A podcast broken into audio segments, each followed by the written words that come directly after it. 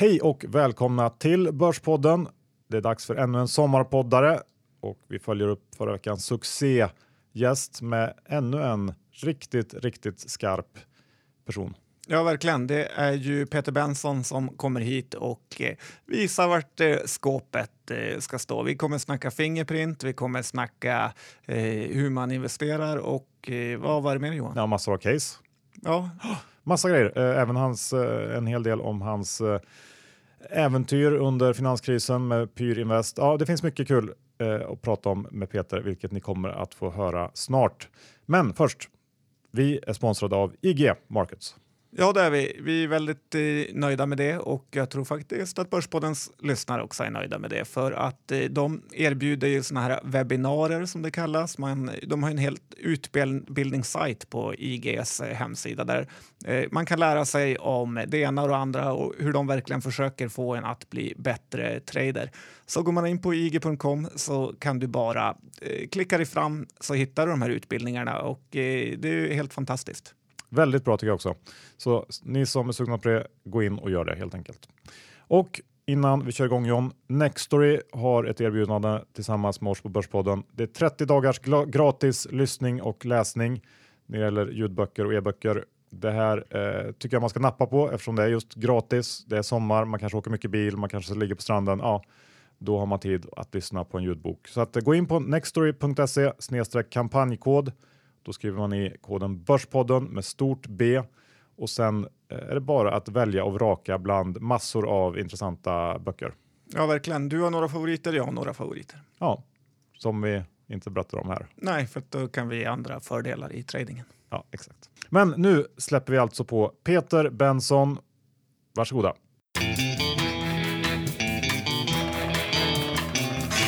Då hälsar vi Peter Benson välkommen till Börspodden. Välkommen Peter. Eh, Tack så jättemycket. Det är en stor dag för att vara här. Eh, ja, det är jättekul att du ville komma hit. De flesta lyssnare känner nog till dig, men vi ska ta en liten snabb eh, bakgrundscheck ändå för att ändå få med de som inte känner till dig. Berätta vad du är från Stockholm och Saltis va? Ja, stämmer. Jag är från en eh, av de södra förorterna eh, och är uppvuxen i, i Saltsjöbaden och bott eh, hela mitt liv i Stockholm. Det är lite pinsamt. På något så här utbytesår i, i, eh, helt kort, men annars Vart var du då? då? Jag var i Kanada i gymnasiet ett år och sen så var jag faktiskt i eh, Polen, i Warszawa, eh, när jag pluggade. Eh, ett eh, halvår. Så att, eh, men men jämfört med dem så tycker jag Stockholm står sig bra faktiskt. Mm, mm.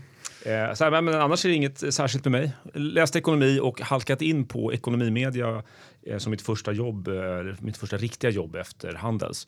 Och tycker det är vansinnigt skoj med ekonomimedia. För det är både börs och det är nyheter och man kan göra vad man vill. Men Alltså- du pluggar på Handels, eh, Ja, exakt. några kändisar från din eh, class of 90. Class of 93. Vi har 93. 25-årsjubileum snart. Eh, några kändisar.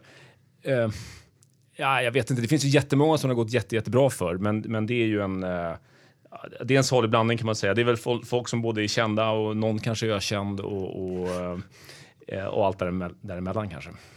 Om det låter som mig Johan, han är känd, jag är känd. Men, men eh, du, du halkar ganska direkt in på journalistgrejen, liksom, mediegrejen och inte många som går handels, då kanske man tänker att man ska jobba i London och det är liksom analys. Ja, alla mina smarta eller- kompisar de skulle jobba på McKinsey eller Goldman Sachs eller Morgan Stanley och såna här saker. Men, men jag insåg att jag inte räckte till för det där riktigt. Eh, Men var ju väldigt intresserad av, av börs och av eh, nyheter.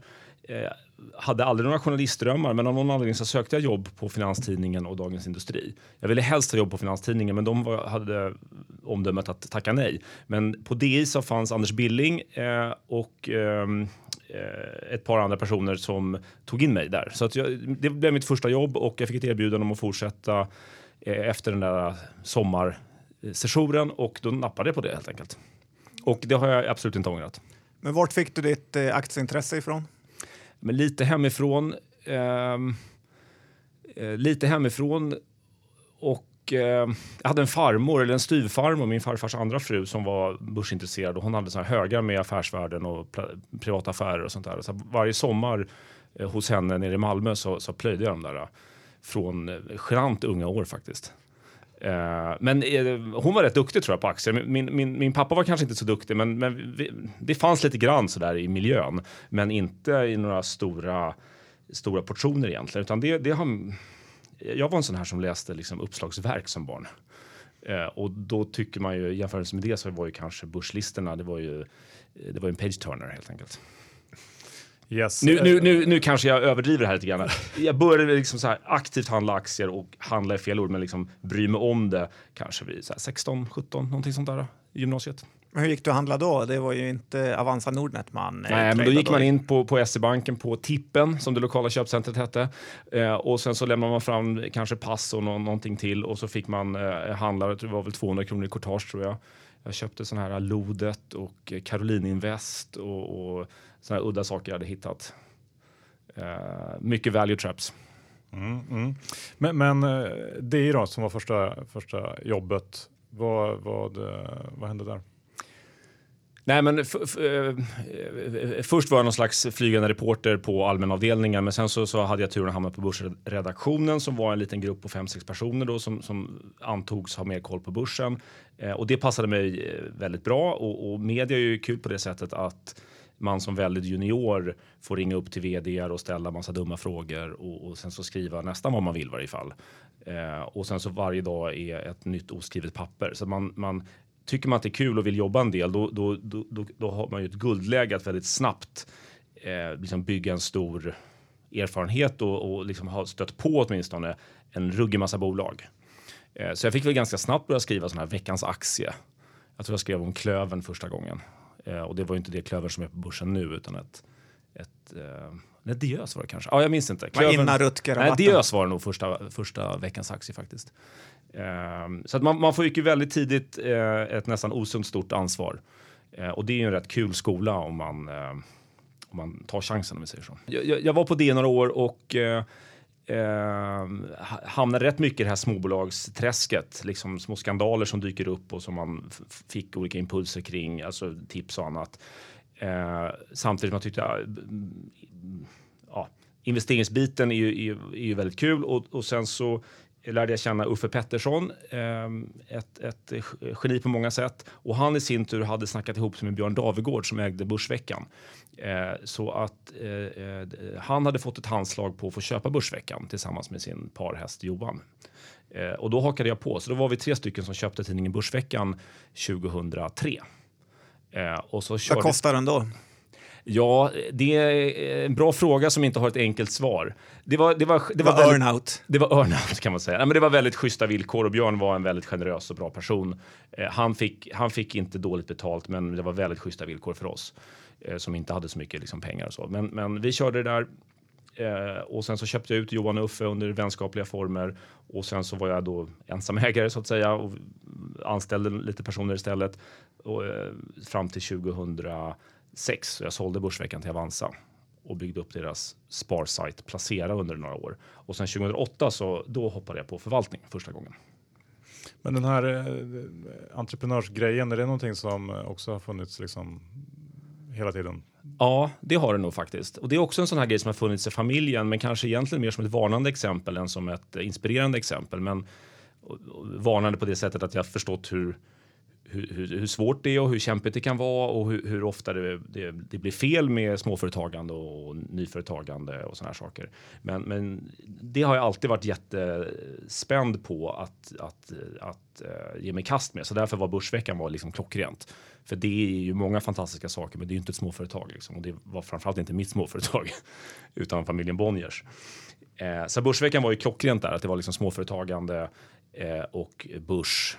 Eh, Eh, och, eh, och media då som jag tycker är skoj. Så det var, de här, det var den här heliga treenigheten och det, den håller jag väl på att återuppleva nu med nuvarande projekt SvD Börs Plus som också är småföretag, börs och media. Mm. Men känns det inte jobbigt att konkurrera mot eh, Börsveckan som du ägde en gång nu med Börs Plus? Ja, jag, vet inte, jag, är inte så, jag är inte så sentimental av mig.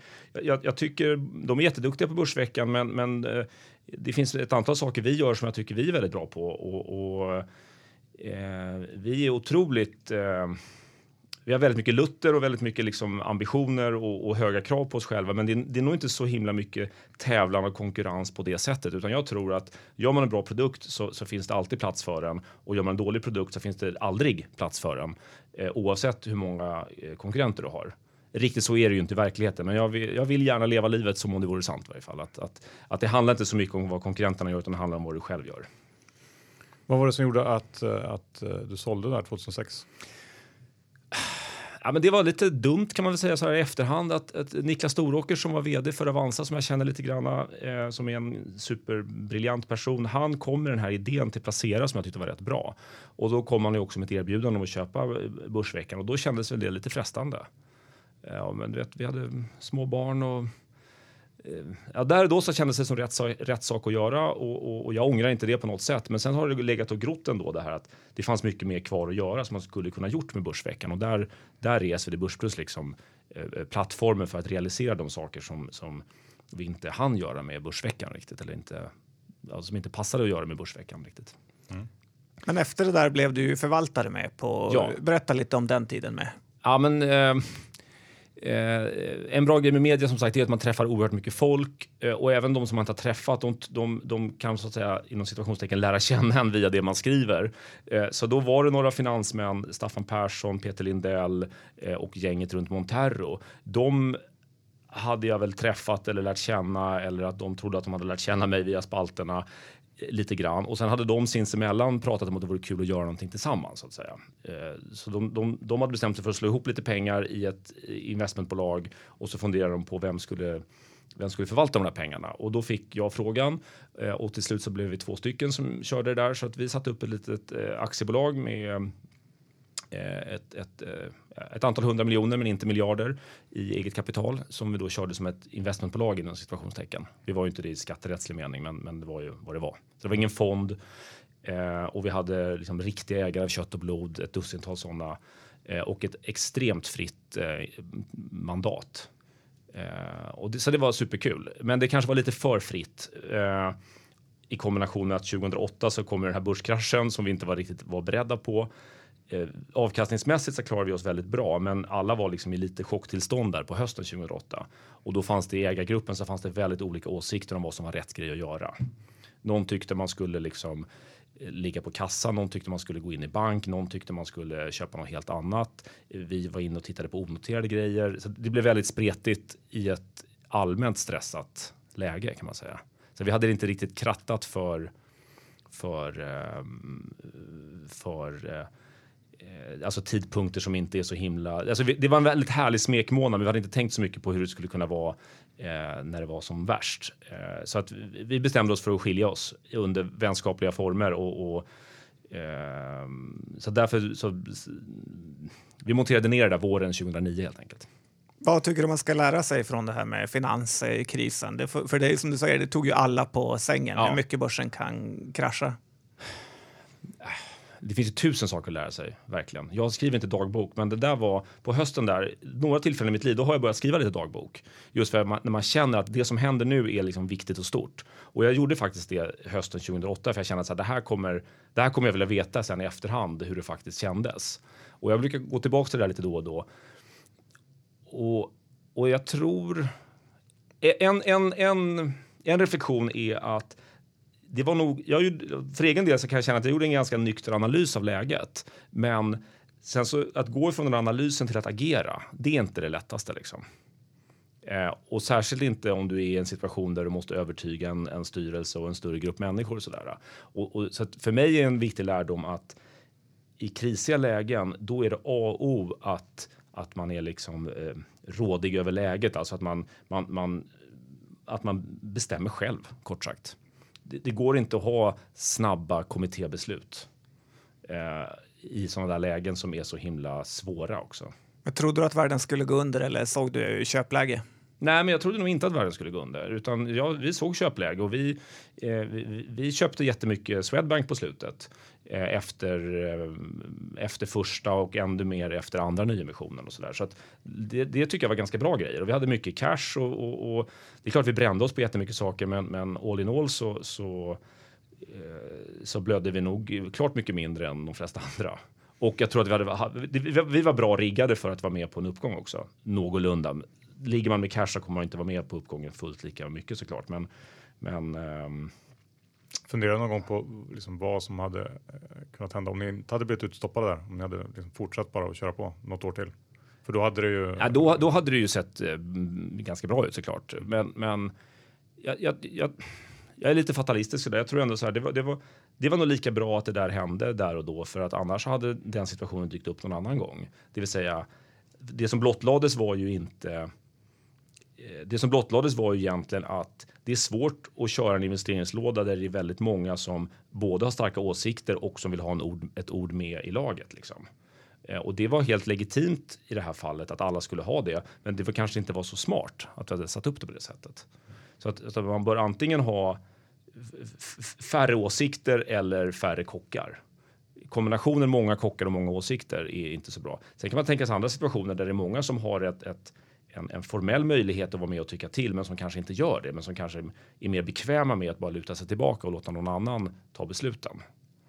Eh, så att eh, det finns rätt mycket att säga om det här med ja, governance eller vad man ska säga, Investeringsförvaltning. Alltså hur, och eh, eh, det tycker jag man ser också. De som, blir, de som det går riktigt, riktigt bra för, det är ofta personer som förvaltar sina egna pengar eller de, de kan förvalta dem som om det vore deras egna pengar. Det, det är inte ehm, det är, inte, det, är inte strukturer där du har olika former av kommittéer i olika lager ovanpå. Ja, det låter ju bra för oss, eller hur Johan? Eller hur, det är bara att köra. Jag, jag, tänkte, jag kommer ihåg, jag kommer ihåg den här tiden och det var ju ändå liksom stora nyheter när ni körde igång Pyr. Eh, och jag för mig att ni hade en hel del småinnehav, va? Ja. Eller innehav i småbolag. Ja, nej, men vi gjorde hundra, som, som det alltid är med förvaltning så gjorde vi jättemånga saker som var mindre eh, intelligenta. En episkt eh, korkad grej var ju att vi köpte lite Eniro till exempel.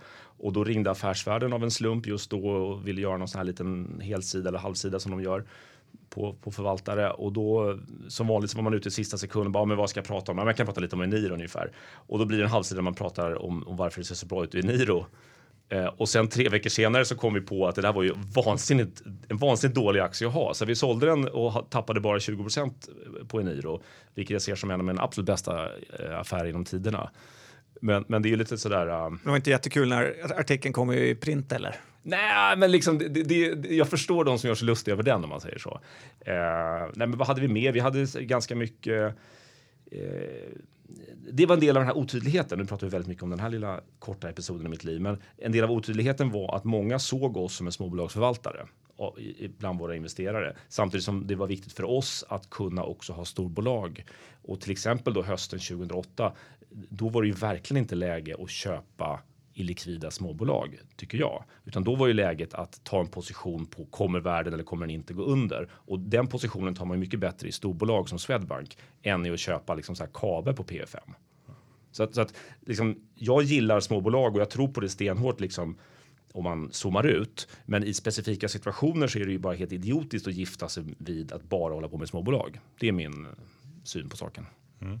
Ja, det var bra. Eh, ska vi ta lite frågor Johan för att ja, hetta jag, upp där? Ja, men jag tänkte också, för det, eh, jag vill inte helt eh, lämna, för det var väl hos Traction också en sväng efter det här som någon Just slags det, exakt. Var det också någon, det var lite otydligt? Ja, det var lite otydligt. I alla fall utifrån jag tror, att jag, hade, jag tror att min titel var direktör. ja. Vilket jag tycker är Du fick bestämma titel själv eller? Nej, jag vet inte. Jag tror det var någon kompromiss. Jag vet inte, jag minns inte. Jag kanske har fel också. Jag vill minnas att det var direktör. Men eh, ungefär lika otydlig var väl min roll egentligen. Att vi, det var en jätteliten eh, investeringsorganisation. Det var ju Petter Stillström som är vd och Bengt som är ordförande och väldigt aktiv men ändå inte helt aktiv. Han har mycket privata investeringar också. Eh, och sen så var det väl liksom jag på börssidan. Eh, så jag var liksom lite analytiker och lite eh, huvuduppgiften var att rota fram nya nya, eh, nya tänkbara så att säga, kärninvesteringar. Eh, och det gick väl sådär. Eh, det, vi gjorde väl ett par saker sådär, men, men det är rätt eh, Traction har rätt höga krav innan de tar in saker som nya större investeringar. Men vi tradade runt och menar, de är ju också sådär allätare. Det är obligationer och det är, är, är emissionsgarantier och, och, och storbolagsaktier och småbolagsaktier och allt däremellan. Liksom. Eh, det vi till slut gjorde innan jag slutade, det var att vi köpte in oss i en riktad emission som G5 gjorde eh, till oss. Eh, och det var ju väldigt kul.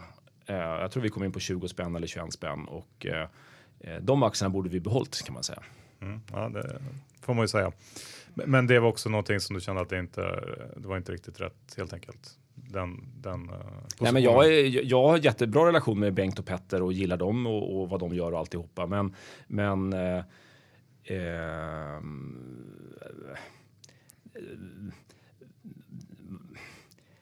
det är det här återigen, vem fattar besluten? Eh, och, och då är det ett, ett, en, en, familjefirma, eh, då är det väldigt mycket liksom personer av kött och blod. Eh, och då är det mycket som ska stämma för att det ska funka under liksom lång, lång tid framåt. Eh, så att det finns ju massa exempel där man kan jobba tillsammans i liksom 10-20 år ihop med, med en, en, ett family office eller vad man ska kalla det för. Eh, även om det är börsnoterat. Men det är också så att det, måste, det, må, det är många saker som ska lira och det är inte bara att man ska gilla personerna eller gilla ehm, gillar de stora dragen, utan det ska ju vara ganska mycket. Men kan man tänka sig att äga Securitas även om de har en del goodwill? Kan man tänka sig att köpa någonting på P7 eller måste det ner på P6? Liksom? Det, det, det är små saker som, som, som där, där beslutsfattandet sitter hos den som har pengarna i slutändan. Eh, så att Cash Ja. is king med andra ord. cash is king, det är det alltid. Och sen, sen eh, fick du nog att lämna eh, och gick över till den liksom onda sidan, PR och, och eh, Ja, fysiskt så gick jag över till den goda sidan skulle jag säga, för jag flyttade tvärs över gatan från Traction till Sagax och satt upp hos David Mindus ett år eh, och höll på med lite olika projekt eh, privat och tittade på lite olika saker. Men sen så hoppade jag på PR-konsulteriet. Eh, Kan du inte berätta lite kort om David Mindus? Han är ju rätt hemlig. Det är inte många som känner till mycket om honom. Nej, Vad säger du om honom? Ja, men han är ju fantastisk. Och, och det, och, och en av mina bästa affärer var att sälja Eniro bara 20% ner så var det ju otroligt korkat att sälja eh, Sagax. Eh, jag vet inte när jag sålde dem, men vi var de, Börsveckan var de första som skrev om Sagax när de fortfarande var Fnet. Alltså när de gjorde det här reversen. Och vi tyckte det var ett köpläge och vi hade aktien i portföljen. Jag hade även en del privat, men släppte dem alldeles för tidigt. Det kanske var en premie på, jag har ingen aning, men låt oss gissa så här. Säg att det var 30 premie mot EK. Ja, det känns lite dyrt. Och det är ju så här episkt dumt i efterhand. Men, men det kan man ju inte, ja, det är lite backtrading att säga att det var korkat, men, men den stora lärdomen tycker jag är det här äh, som för mig blir viktigare för varje år, att, att bra ledningar, de skapar värden som liksom vida överstiger vad du själv kan liksom fantisera dig fram till när du tittar på ett P-tal och tycker att så här, P24 är lite dyrt, det borde vara P21. Eller eh, ska det verkligen vara 40% premie mot eget kapital? Det där är liksom detaljer om du i andra vågskålen har en entreprenör som kan liksom jobba i 10-20 år och skapa en överavkastning. Men vad är det han gör som är så bra?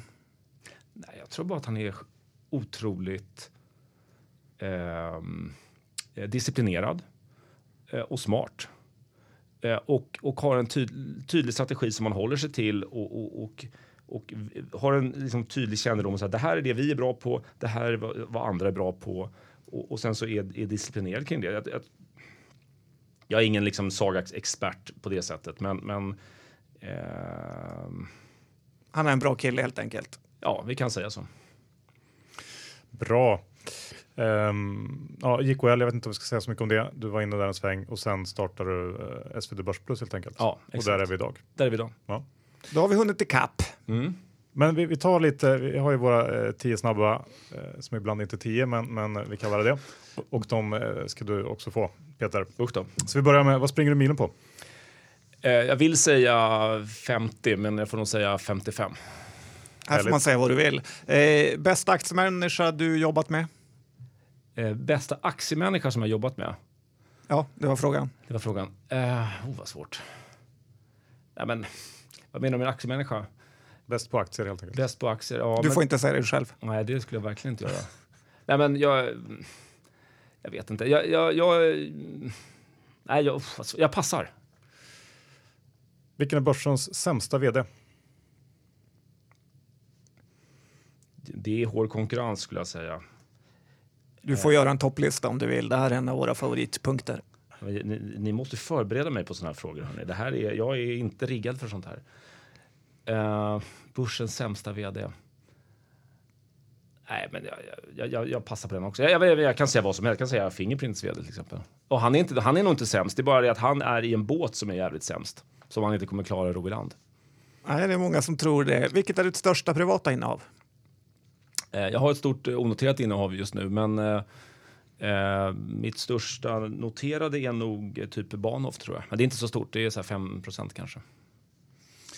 Av bolaget? Nej, ja, I wish.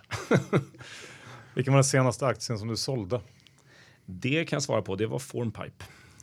Vad gör du helst när du är ledig? Jag läser saker hela tiden, lyssnar på poddar. Eh, jag vet inte om det räknas som ledig, men det gör jag. Springer en del. Står börsen högre eller lägre om ett år? Den står lägre, hoppas jag. Varför då? Ja, men det vore bara lite, det, det som liksom, nu har jag haft en torr vår, det behövs lite regn. Det är lite så här också. Det behövs, liksom, det behövs skakas om lite för att det ska trilla ut nya roliga köplägen tror jag. Vilket är nästa skambolaget eh, som kommer brisera på börsen? Tror du? Ja, bland de lite mer välkända eller? Ja, någonting på börslistorna. Ja, jag tror, eh, kan ta en, en som jag bara tänkte på häromdagen så skulle jag säga Prime Living. Den håller jag med till 100 procent.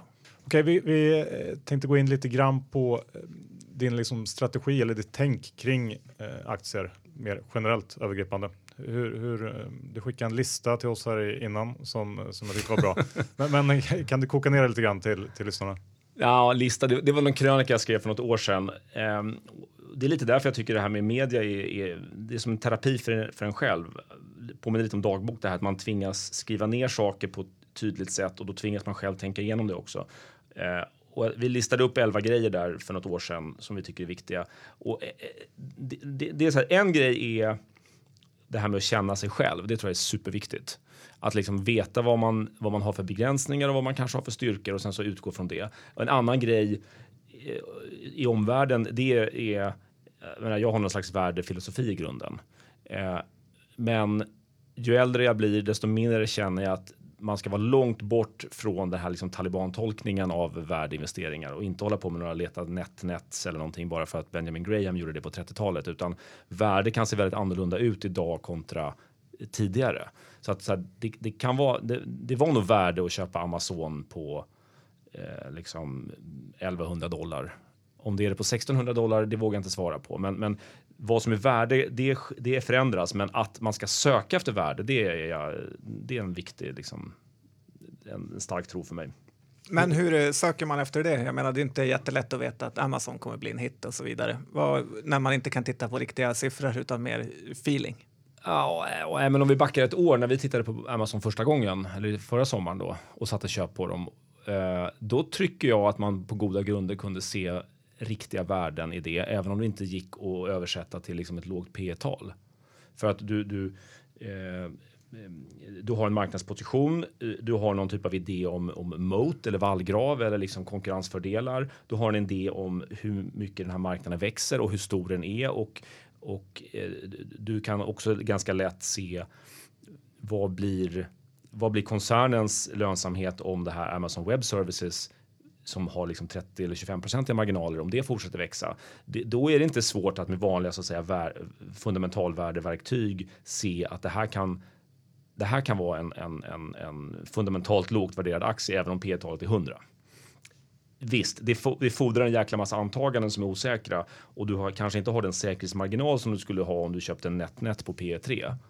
Men, men man kan inte få allt här i världen.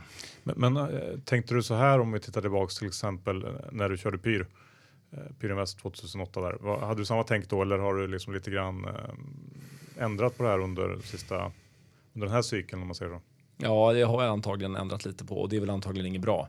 För det betyder att man börjar eh, lite hjärntvättad av Silicon Valley-tänket. Liksom att eh, eh, strunt i P-tal, det här är värdefullt för att jag tycker att det är det. Och uttrycker man på det sättet så är det naturligtvis farligt. Men, men eh, jag, jag, tycker så här, Eh, man, ut, man förändras som människa och marknader förändras också. Så att eh, om du kunde liksom välja och vraka bland massa börsbolag som hade P tal under 10 för 20 år sedan och bland dem hitta liksom en jättebra aktieportfölj som gav en bra riskjusterad avkastning. Kör samma strategi idag så kommer det se helt annorlunda ut. Då kommer det vara en massa så här Gunnebo och massa crap. Så att, så att marknaden förändras och sen förändras man som människa också. Eh, och, och, jag känner mig efter att liksom ha, ha om vi tar exemplet då Sagax, liksom sålt Sagax för tusen procent sen. Så här, ja, men vad skulle jag, hur skulle jag tänka för att inte göra det? Och då ska jag tänka lite annorlunda. Då ska jag lägga mer fokus också på entreprenören och operatören och liksom titta på det här värdeskapandet som sker årligen snarare än den statiska värderingen här och nu. Så det är en annan sån här käpphäst jag har, att jag bryr mig väldigt mycket om om jag litar på entreprenörens dels goda vilja men sen också förmåga. Använder du några nyckeltal du, som är dina favoriter? Jag och Daniel Svensson, min kollega, vi pratade om det här för inte så länge sedan. Jag är lite inne på det här med EV sales. Det är ju kanske djävulens påfund. Men att, att, att, omsättning tycker jag är ganska bra, för det är ganska robust. Det håller inte på att svinga fram och tillbaks lika mycket som en vinstsiffra kan göra. Och har man en idé om att någonting egentligen inom situationstecken borde kunna tjäna eh, någonting helt annat än vad det gör idag, då blir EV Sales sättet att se den potentialen. Så jag, jag, tycker omsättning är ett ganska bra mått, men det, det förutsätter väldigt mycket, väldigt mycket, eh, väldigt mycket eh, antingen tro, tro på sig själv eller övertro på sig själv, att man kan veta eller ha en intelligent uppfattning om vad som är en rimlig siffra för sig ett konsultbolag kontra ett programvarubolag kontra ett industribolag kontra ett gruvbolag. Alltså det, det är jättesvårt. Men är det inte lättare, rätt lätt att hamna i härvor med jo. det? Jo, menar, jo, det är SAS och det är Prevas och det blir den typen absolut. av turnaround-bolag. Ja, ja, absolut. Och jag är inte en vän av att gå på bara köpa på lågt EV-sales. Men däremot jag menar, att hitta ett Volvo för tre år sedan till exempel. Det, det tror jag, det, det, det, jag tror det var den första analysen vi skrev nästan. Och det, då hade vi en EV Sales-ansats till exempel. Att EV Sales var det lägsta det varit, eh, eller på, på, låga nivåer historiskt sett. Eh, och det brukar studsa uppåt och de borde kunna tjäna mycket mer än de gjorde då. Så att, eh, hålla på nere på 0,1-0,2 gånger omsättningen och hoppas att det ska hända någonting. Det, det, kan du göra, men då är man ju mer i det här eh, verkligen eh, bottenfiskesporten och den är inte jag så bra på tror jag. Ingen är bra på den. Nej, exakt. Ja, Traction är bra på den faktiskt. Ja, det är deras, ja. deras gebit. Och det är en annan grej jag måste säga till, eh, för det lät kanske som att jag var kritiska mot dem, för det är jag inte, utan det är mer det här att man är olika bra på olika saker. Eh, och Traction har byggt upp en mångmiljardförmögenhet på att vara duktiga på turnarounds och, och uh, deep value. Och, och då, då, kanske det, då kanske det är det man ska fortsätta med. och, och jag, min läggning är inte riktigt sån. Mm. Nå någon mer sån där eh, regel som du känner att eh, det här frångår jag inte? Nej, men långsiktighet och, och sen även om enskilda innehav kan vara liksom riskabla eller uppfattas som riskabla så, så på portföljnivå så är jag supernoga med att alltid ha jättelåg risk. Uh, det här med, med liksom diversifiering kontra koncentrerad portfölj, hur ser du på det? Nej, men jag är nästan, jag, jag är, Eller man förstår ju när du sa att största innehavet var ja, 5 så. Ja, men jag, jag har alltid väldigt diversifierat egentligen. Eh, Men hur kommer det sig när du är liksom sån duktig aktiemänniska och kan läsa in och liksom gått på handel så är smart och så, att du inte vågar ta större bett? Ja, men, Eller vill? Ja, men, dels så, så, känner jag mig inte så duktig och dels så, så eh, det tycker jag är svårt att veta. Om man har fem bra idéer är det bra att veta vilka som blir en, en, en femdubblare och vilka som blir en halverare. så att sizing är rätt svårt tycker jag. Uh, och, um, sen så, men, jag, jag, har inga principiellt emot att ha en, en, koncentrerad portfölj. Det är bara det att jag tycker inte att jag i modern tid har hittat case som har varit så bra att jag velat ha liksom 20% i det. Hur jobbar du med stop loss och liknande? Ja, inte alls eller för lite kanske. Jag, jag titt, sen, faller någonting säger vi 20% då brukar jag liksom ta en ny titt på det. Uh, och, och, försöka och, och det, försöka, det är väl någonting jag försökt bli lite bättre på. Det är det här att, att erkänna när man har fel och bara ta konsekvensen och kasta ut skiten. Um, det, och då är det ju lättare om man inte är i småbolag, för då går det inte att kasta ut det när man vill. Ja, men lite så. Och det svider mer att kasta ut det, för då kanske alltså det, det, blir, det blir svårt helt enkelt. Så, ja men vi, exakt. Ja, eh, något mer på den här eh, som övergripande? Nej, men det är, ju, det är så himla svårt det här med, med börsen. För att det handlar dels om att man ska ha massa principer, men sen handlar det också om att man ska frångå de här principerna stup i kvarten. Uh, och det är just all, en sån här är ju den här liksom, följ inte flocken. Men man ska inte bara, bara vara contrarian för att vara contrarians skull, för då köper man ju på sig massa dumheter. Det finns ju väldigt många aktier, liksom, de, de, de ska till noll mer eller mindre. Och, och även om den har fallit 90% så ska det absolut inte vara contrarian och gå in och köpa den där skiten. Så, så, eh, ja, men det är den här äh, att man ska både vara väldigt rigid i sina principer och man ska samtidigt vara flexibel och, och den, den uh, utmaningen uh, den får man jobba med dagligen tycker jag. Sådär. Vad tycker du är jobbigast? En vinst, utebliven vinst eller en förlust? Jag är ganska tålig för både och faktiskt. Jag, jag mår inte så dåligt beroende på portföljen går. Jag mår snarare sämre när börsen stiger och jag tycker att jag har lite för mycket kassa eller inte hänger med.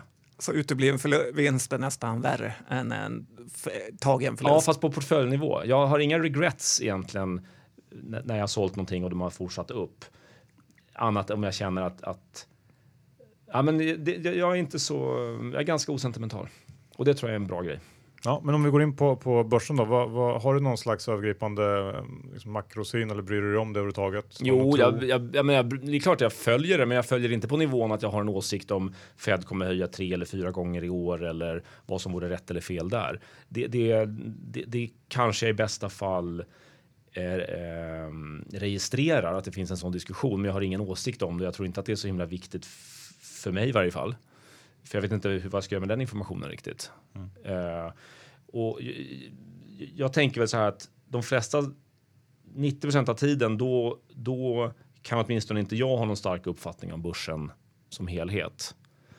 Uh, men sen ute i svansarna så kan man ha det. Man kan ha en stark uppfattning när det har rasat 60% eller när det är superdyrt.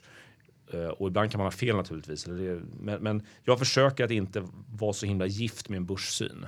Dels för att jag inte har någon och dels för att jag inte tycker att det är så himla... Alltså jag, för mig har det inte varit så meningsfullt eh, att ha en stark börssyn. För att risken är så här, om jag hittar ett, ett, bra bolag när jag har en negativ börssyn, ska jag inte köpa den då eller?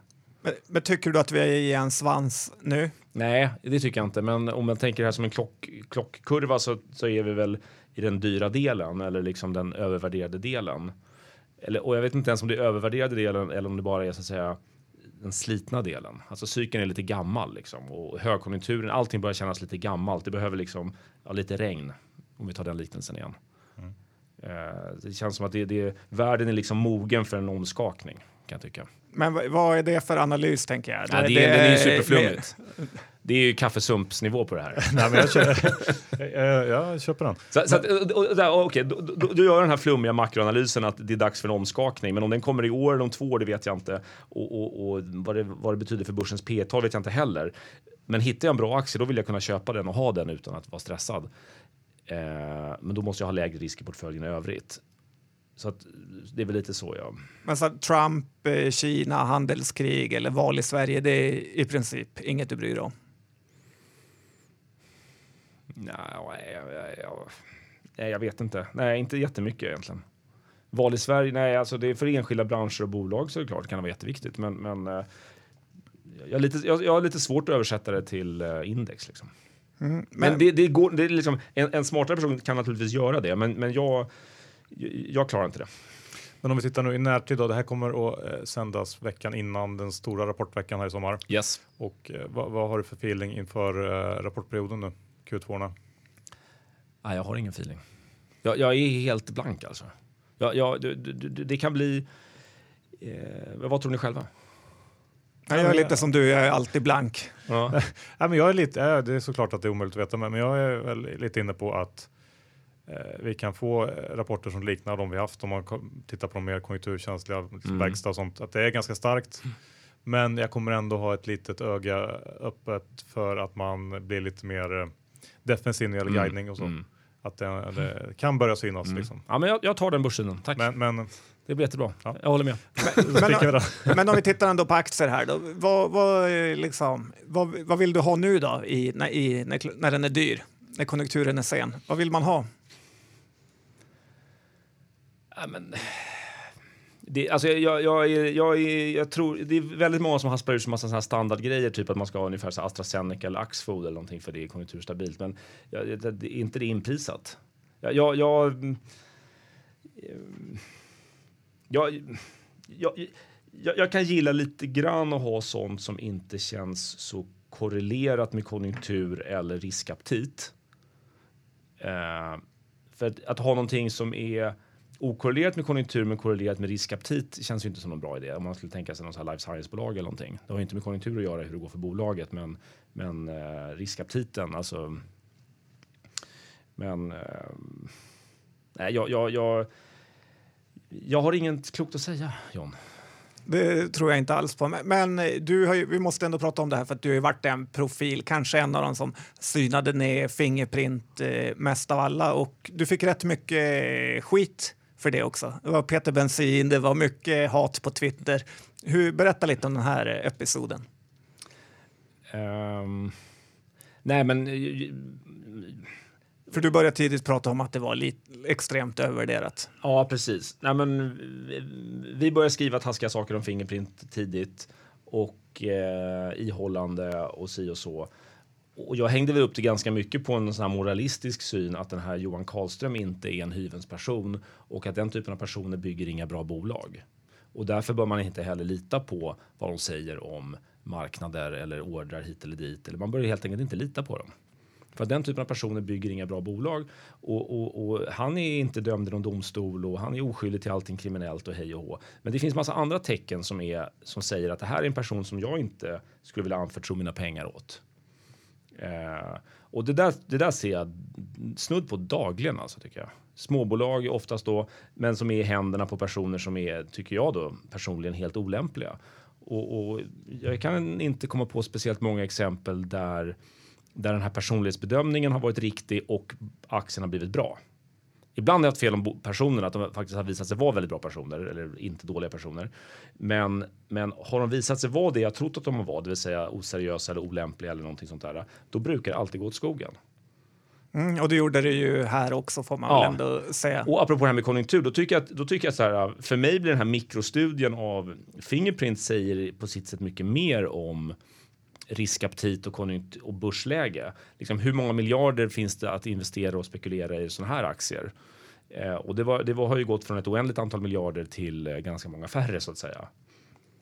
Det tycker jag säger en hel del om, om riskvilligheten, även om det då bara är en liten en liten, liten eh, tårtbit av hela marknaden. Men känner du att du hade fel med Fingerprint i början när det, de ändå fick igång eh, sån extrem eh, försäljning? Nej, men det, det, det, det, dels är de här människorna de är, de är komplett osakliga. Så att det finns ju tusentals tror jag, Twitterinlägg som gick ut på att jag hade fel från 2012 eller någonting i den stilen, vilket är helt fel. Jag började skriva om dem. Jag minns inte exakt, men, men eh, ja, det var ju verkligen en modern tid. Det var när jag började på det var, det var när vi drog igång Börsplus kort sagt och det var ju 2016. Så att liksom det finns inte, det finns inte fog för att. Nej, men jag, jag. Och det var lite på toppen då med andra ord. För Fingerprint-aktien. Jag kanske skrev lite i Svenska Dagbladet hösten 2015 också. Nej, men den toppar väl eh, december 2016 tror jag kanske. Och jag började skriva kanske ett år innan.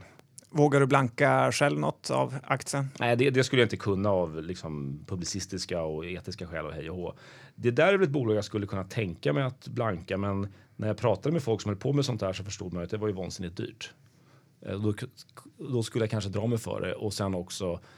Eh, man ska inte vara så jävla kaxig och tro att eh, ens egna smarta analys om, om, om eh, seriositeten hos Johan Karlström, att den övertrumfar tusentals spekulativa människors plånböcker. Liksom.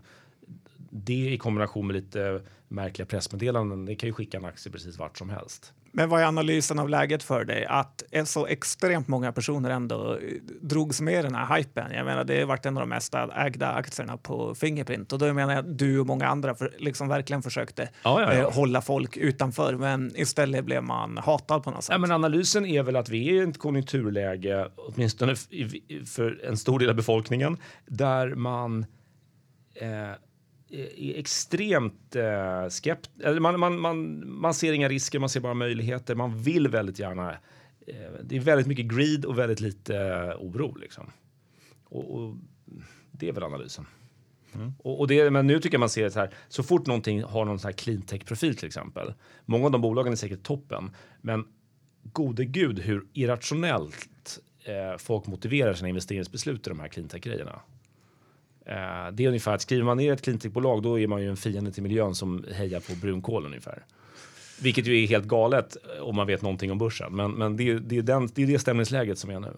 Ja. ja problemet är ju också att det, det har väl aldrig funnits en enda eh, cleantech-aktie som någonsin har lyckats. Någonsin. I Sverige? Ja, globalt sett. Jag vet inte, det beror lite på vad du lägger i det. Men, men, men typ. Ja, men, men, väldigt... ja, men samtidigt så här, Vestas har ju varit en kanonaktie periodvis och så där, så att det, det händer ju stora saker på miljöområdet och det är ju kanon. Det är bara det att det är inte de här små förhoppningsbolagen eh, i, i Sverige som, som pumpar ut pressreleaser stup i kvarten. Det är ju inte de som eh, eh, de är profitörerna, eller parasiterna skulle jag säga, på Mm. miljövågen. Men, men om vi tar, om vi tar eh, lite, lite roligare grejer då. Har du några case som du själv gillar just nu? Jag brukar alltid svara nej på det.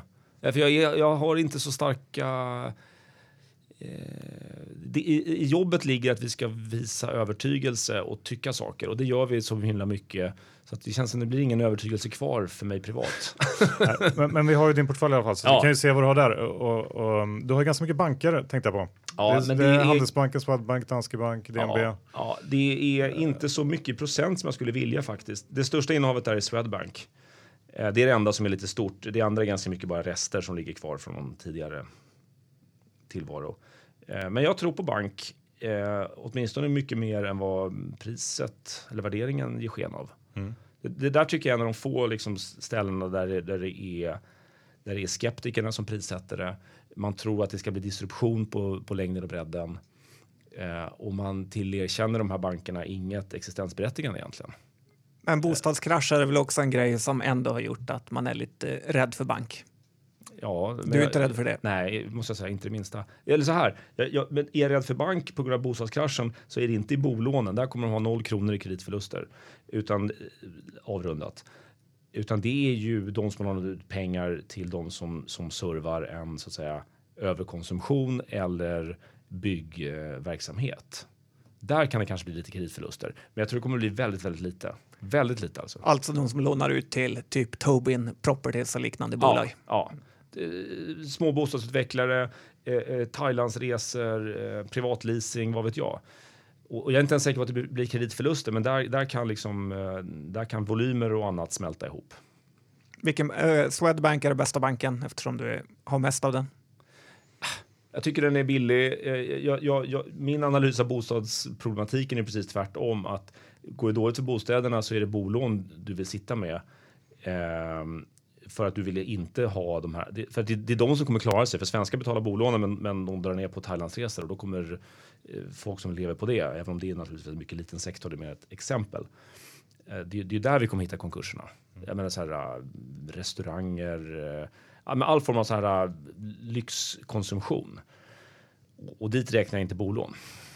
Jag ser, du har ju också eh, ett par bolag, bolag inom eh, skola, vård, omsorg. Jag tänker på eh, Academedia och Attendo. Ja, det är, det är egentligen bara rester av små IPO-spekulationer som har blivit liggande. Okay, Så att Attendo är lite mera. Jag, jag var väldigt förtjust i Henrik Borelius, eller jag är väldigt förtjust i Henrik Borelius, men han har ju slutat som vd. Eh, så det, är, det är inte någon stark tro i det egentligen. Men vad tänker du om, vi, vi pratade lite om Academedia idag i podden. Mm. Eh, den har ju kommit ner en hel del. Ja, verkligen. Hur, hur tycker du man ska se på det där?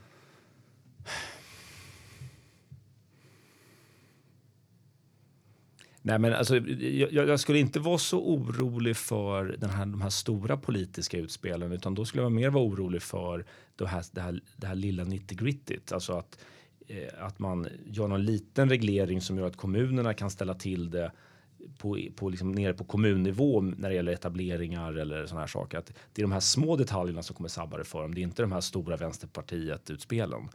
Eh, och jag tror att det finns en riktig politisk risk för att i varje enskild kommun så kommer det finnas någon kommunalskola som gärna skulle vilja lätta på konkurrenstrycket lite. Liksom. Eh, och, och sen så har du lärarinflation eller löneinflation och sådana här saker. Det är ju högst reella grejer som inte har med politikernas liksom, dagsform att göra, men som det, det är tror jag är här för att stanna. Eh, och det räcker ju att, att det är bara att titta på så här, Capio i Frankrike eller massa sådana här saker. Att, att, är det politiska systemet liksom tvåa på bollen med att, att få ersättningen och hänga ikapp med kostnadsutvecklingen, då sitter du rätt trängd liksom. Och, och eh, jag har inte svårt att se att, att de här bolagen kan bli sittande med en strukturellt lägre lönsamhet och det räcker att den här marginalen blir ett par tre procentenheter lägre än vad vi trodde för några år sedan så, så då är de kanske inte så billiga säger jag och äger dem så att jag vet inte. Men, eh, Men skulle du våga köpa mer till exempel Academedia idag? ja, kanske. Kanske. Ett annat bolag som du har som är lite mer, får man säga, roligt att prata om är ju BIM. Ja, Eh, just det. det är ju två skolor. En, eh, min skola. Som Att det är skit. Ja, lite. Att, att det är extremt eh, hypat. Ja. Och- Men är det extremt hypat? Ja, Av vem då? ja av eh, kanske främst vdn själv. Ja. Eh, men även att de har en ja, men ändå relativt bra fanclub som säger att Ja. Mm. allt kommer vara BIM-byggt i framtiden. Själv är jag lite mer kritisk att man inte kommer bygga liksom, nya Karolinska i mobilen på väg hem från jobbet och liknande. och, och, så att eh, där är... Så, men kan du inte berätta lite av det, du som ändå är kunnig? Nej, men eh, så här. Det snackas en massa om Sverige som techland och hej och hå. Och det är Spotify och det är iSettle och, hej och sånt där. Men, men det här bolaget är på börsen. Vdn har lite så här Hawaii-skjortor och bor i Malmö. Eh, och, och har haft en väldigt hög profil från väldigt unga år, om vi kallar det för det, när bolaget var väldigt litet. Och det kanske gjorde att det inte togs på fullt allvar. Men, men fakta på marken tycker jag är att det här bolaget uppfattar jag det som, bygger någonting som är verklig världsklass. Eh, man bygger en jätteplattform för arkitekter och, och, och eh, konsulter och, och byggbolag med som, men de kommer i år antagligen vara tio gånger större än sin närmaste konkurrent i ett då, bibliotek av sådana här eh, BIM-ritningar. Eh, hade det här varit i Silicon Valley så tror jag det hade haft en jättevärdering. Hade det varit i Stockholm och lite mera lite mer IR-anpassat så hade det också haft en, kunnat haft en jättevärdering. Jag menar, hur mycket läser vi inte om Storytel? är det inte typ två miljarder kanske i värderingen? Och sånt? Ja, någonting sånt. Det är väl ändå en hyfsad värdering. Det är en hyfsad värdering, absolut. Det, det är absolut. Men, men eh, jag tror man ska, här tror jag bara man liksom ska slappna av, andas ut och bara släppa de här nyckeltalen. bara. Ja, men, eh, det, det, det, det är inget jätteinnehav för mig, men jag tycker att det är väldigt spännande och väldigt kul. Och jag tror verkligen att det här finns en chans att... Det är inte så många aktier som jag har i varje fall där jag ser att det här lätt skulle kunna dubblas. Det Det här, kan lätt halveras också ska vi säga. vi, vi pratade tidigare om att man ska ta rygg på bra ledningar. Tror du att det här är en sån här som man är, är, om tio år kommer säga att det här är ju en super, vad nu heter vdn, jag kommer inte Eh, ihåg. Ste Stefan. Ja. ja, mycket möjligt. Eh, jag gör en liten sån här liknelse med Bahnhof som jag kärrade ner mig i för väldigt länge sedan. Och då tyckte ju alla att eh, Jon eh, Karlung, det var ju en himla kufig typ och skrev konstiga vd-ord och gjorde massa märkligheter. Och då handlades det om till P5. Eh, nu är det P25 på dem. Och de har dessutom ökat vinsten hur många gånger som helst. Det, det, är här, det kan bli en renässans. Sånt där kan förändras. Men Q1 då, Eh, tillväxten var ju lite sämre i Q1. Eller? Ja. Eh, nu börjar ställa svåra detaljerade frågor här som jag inte kan ge svepande generella svar på. Nej, men eh, eh, den var lite sämre, men Vill man liksom inte se att det går spikrakt? Liksom. jo, men mm, så här. Det som hände i Q1 förra året var att de tog över. Eh, jag tror det var 300 Ja, det producenter från eh, Autodesk. Autodesk var det. Mm. Eh, och det var, det, det var den största affären de gjort hittills. Eh, och, då, och sen så har de ju dessutom en, en, en betalningsmodell som eh, där de då först i Q4, om jag förstod saken rätt, om jag minns rätt också, eh, började liksom skicka första fakturorna till de här övertagskunderna. Så jag tror att du har liksom en liten periodis, periodiseringsgrej här. Eh, jag, jag kan Alltså, inte exakt redogöra för det. Det, det så här. Eh, Eh, jag tror att produkten och tjänsten är på största allvar. Den tar jag på största allvar. Det verkar liksom vara seriöst. De har Hexagon som storägare, eh, danska Solar som är motsvarigheten till Ahlsell. De borde ju veta allt det här, allt om så att säga byggutrustning. Eh, eh, eh, och de gör affärer med Autodesk och, och, och, och eh, har fantastiska liksom, referenskunder. Eh, det tycker jag man ska ta på allvar och eh, zoomar man ut lite grann så är min förhoppning att de har koll på läget. Men, men det, är, det är ett leap of faith som det heter på svenska. Ja, men det är spännande. Jag är nog ändå mer på din sida än på Johns, måste jag säga. Jag tror, jag tror att John har missuppfattat det lite, lite grann det här med att man ska bygga nya Karolinska Immobilen. Ja, det vore coolt. Tunnelbanan. Men, eh, är också din av som du har. Ja, Det har ju varit på tapeten sista halvåret kan man säga. ja, det är ju verkligen, det är nog mest pinsamma innehavet jag har.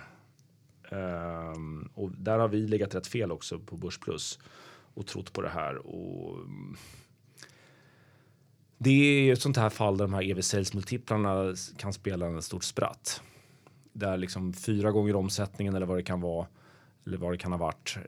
Eh, det kan ju framstå som väldigt billigt om man tänker sig att det är en global position med superhöga bruttomarginaler och som om man jackade in det med eh, någon stor global jätte. Då kan ju de göra en ma kalkyl som är helt fantastisk. Ehm, så har det inte blivit liksom. Och nu, nu är man ju orolig för att själva grundbusinessen, börser och clearing, att den, den kanske inte har den här underliggande lönsamheten som vi har eh, trott och hoppats på. Och då är hela caset lite liksom oklart. Eh, vi hade den i portföljen men sålde den. Jag har kvar den privat men känner mig rätt osäker på den. Men nu är den rätt nedtryckt och rätt hatad. Eh, jag tror att den... Jag tror så här, jag tror de gör väldigt bra grejer i grunden. De har fantastiska kunder och allt det här. Men om det räcker. Sen tror jag att de är dåliga på andra saker. Eh, kostnadskontroll till exempel. Och kanske prissättning. Eh, och att kanske de här nysatsningarna. Det vill till att någon av dem blir en succé och där är juryn ute fortfarande.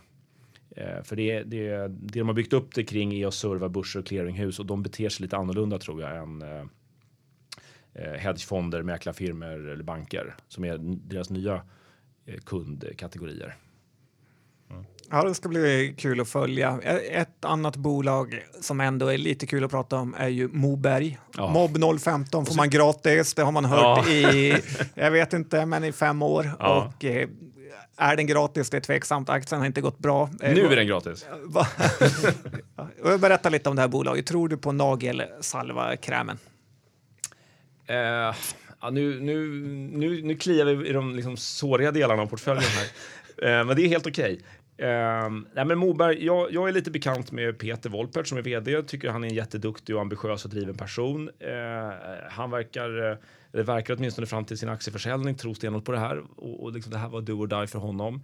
Eh, jag tror att det jag gillar, jag gillar jättemycket det här, så att säga, säljfokuset. De hade ju Peter Rothschild från Biogaia var ju med där ett litet tag och jag tyckte mig i början för många, många år sedan se liksom ett, ett, ett litet Biogaia, det vill säga du, du är inne på life science, men du har en, en typisk liksom säljansats och en konsumentansats eh, snarare än att det är liksom vita rockar och, och forska från fas 1 till fas 3. Mm. Eh, nu är det lite annat läge. Eh, men jag, jag är fortfarande positiv till dem. Eller igen ska jag säga. Vi, har, vi hade dem ute i kylan här. Men, men jag tror på dem faktiskt på den här nivån runt 30 spänn. Jag tror Peter är en duktig dealmaker. Jag tror att kan de hantera skulderna och kan, eller så här, kan de inte hantera skulderna och behöver göra en liten nyemission så är inte det hela världen faktiskt. Eh, och sen så sen hänger det på det här nedra mob 15 där Peter Wolpert har sagt, jag tror han har sagt att han bedömer det som 75% sannolikhet eller möjligen 80 att eh, de kommer lyckas med det här. Och, och då förstår jag inte varför varenda jäkla läkemedel som har klarat fas 3 ska vara värt massa pengar. Men varför ska just det här inte vara värt massa pengar? Det har jag svårt att förstå. Och de hade en rätt bra Q1-rapport, eller hur? Mm. De är, de är eh, notoriskt eh, slängiga de här eh, kvartalsrapporterna. Och det, det, det gäller ju all sån här distributionsbusiness. Nu har de väldigt lite distribution kvar i och för sig, men det är, det är kampanjer hit och dit och det är marknadsföringsbudgetar och hur lägger man upp dem och, och, och eh, införsäljning till inför säsonger och hur, hur gick säsongen? Alltså det, det, Kunder som bygger lager och... ja, det, det är rätt svårt att titta på ett enskilt kvartal och vara helt övertygad, känner jag. Du har inget spel i portföljen? Nej, jag begriper mig inte på det. Och sen en annan grej med spel är att jag har en känsla att det finns så himla många som är så himla duktiga på det. Och då, då tänker jag både på betting och gaming. Alltså det finns jättemånga som håller på och gamar och som håller på och bettar och som de kan de här produkterna och marknaderna och följer på ett helt annat sätt. Jag känner att jag är liksom Kalle bakom där.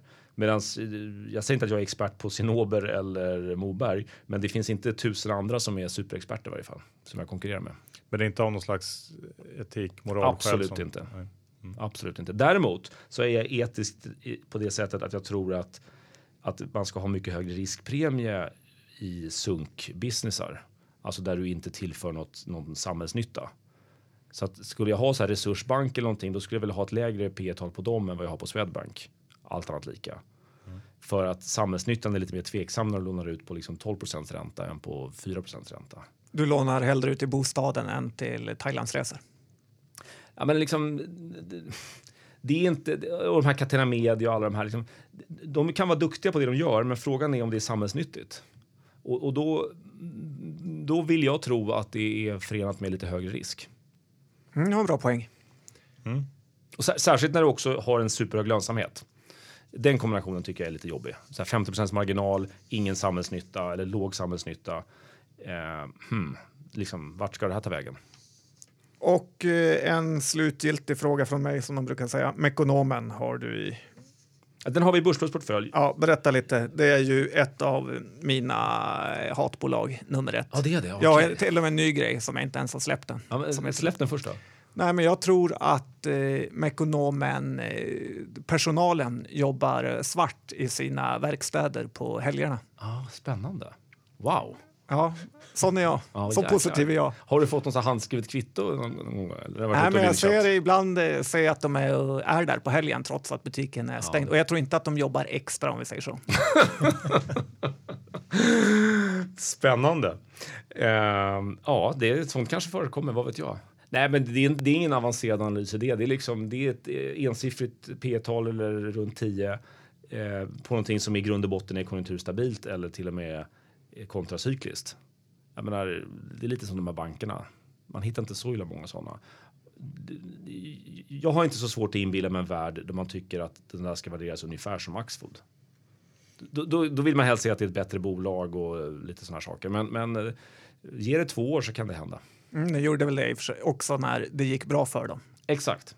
Men nu på 120 spänn så vet jag inte riktigt. Eh, ska den ner till P7 eller? Jag vet inte. Det är ju det är lågt P tal på ganska nedtryckta vinster. Vad tror du om de här, um, vad är det, tyskar eller som... som um, eh, amerikaner. Amerikaner, ja, kanske. Eh, som äger, LKQ. Just det. Um, Man börjar nästan tro eh, på den här liksom, konspirationsteorin att de, de uh, liksom ser till att det Ja, det, det är ju alltid, så dåligt som möjligt. Ja, det är ju alltid en, en, en det är alltid någonting man är orolig för i sådana där situationer. Uh, det som talar emot det tycker jag är att det var flera ledningspersoner som köpte aktier för ganska mycket pengar i varje fall i höstas. Och om de kände att de hade en huvudägare som bara ville paja det här, då skulle de inte göra det. Eller så är de så dåliga affärsmän som, som du tror John. Vi får se här. Q2 ja, kommer Antingen snart. Så. Dubbelboom, att de är dåliga affärsmän och i händerna på en eh, illasinnad huvudägare. Mm, de kommer från Coop så. ja, det är fullt möjligt. Eh, tiden börjar rinna ut, men du, du, sa i början här att du, du gillar att läsa mycket på fritiden. Har du något lästips inför uh, hängmattan i sommar till våra lyssnare?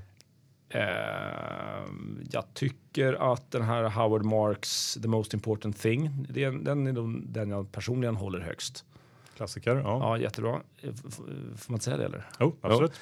Uh, och sen så tycker jag, jag gillar den här uppdelningen som det var väl Benjamin Graham som hade den mellan eh, konservativa investerare och företagsamma investerare. Han tror han pratar om conservative investors och enterprising investors. Och att det är de två sätten att bli framgångsrik och man ska vara jäkligt noga med vem man är av de där två.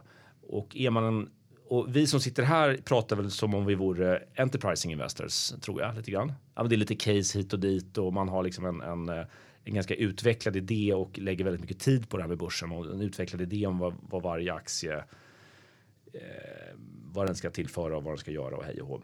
Medan en konservativ investor, är mer det här klassiska, liksom, köpt 20 storbolag, sitter på dem i 30 år och räknar utdelningar ungefär.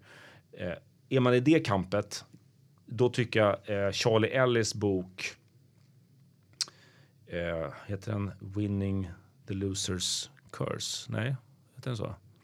Peta inte på mig, jag läser inga böcker. Du läser inga böcker? Eh, jag tror den heter så. Winning... Ah, det här får vi nästan kolla upp. Annars får man googla det. Så ja, man får googla det. Charlie Ellis, Winning the Losers Curse. Någonting åt det hållet. Den är väldigt, väldigt bra. Den är som en manual för hur man ska lägga upp en konservativ eh, aktieportfölj. Kanske ingenting för börs, Börspoddens lyssnare, men eh, de kanske har någon, ja, man vet aldrig. någon gammal eh, morbror. Tack för det, något för alla och stort tack Peter för att du ville komma hit. Tack snälla.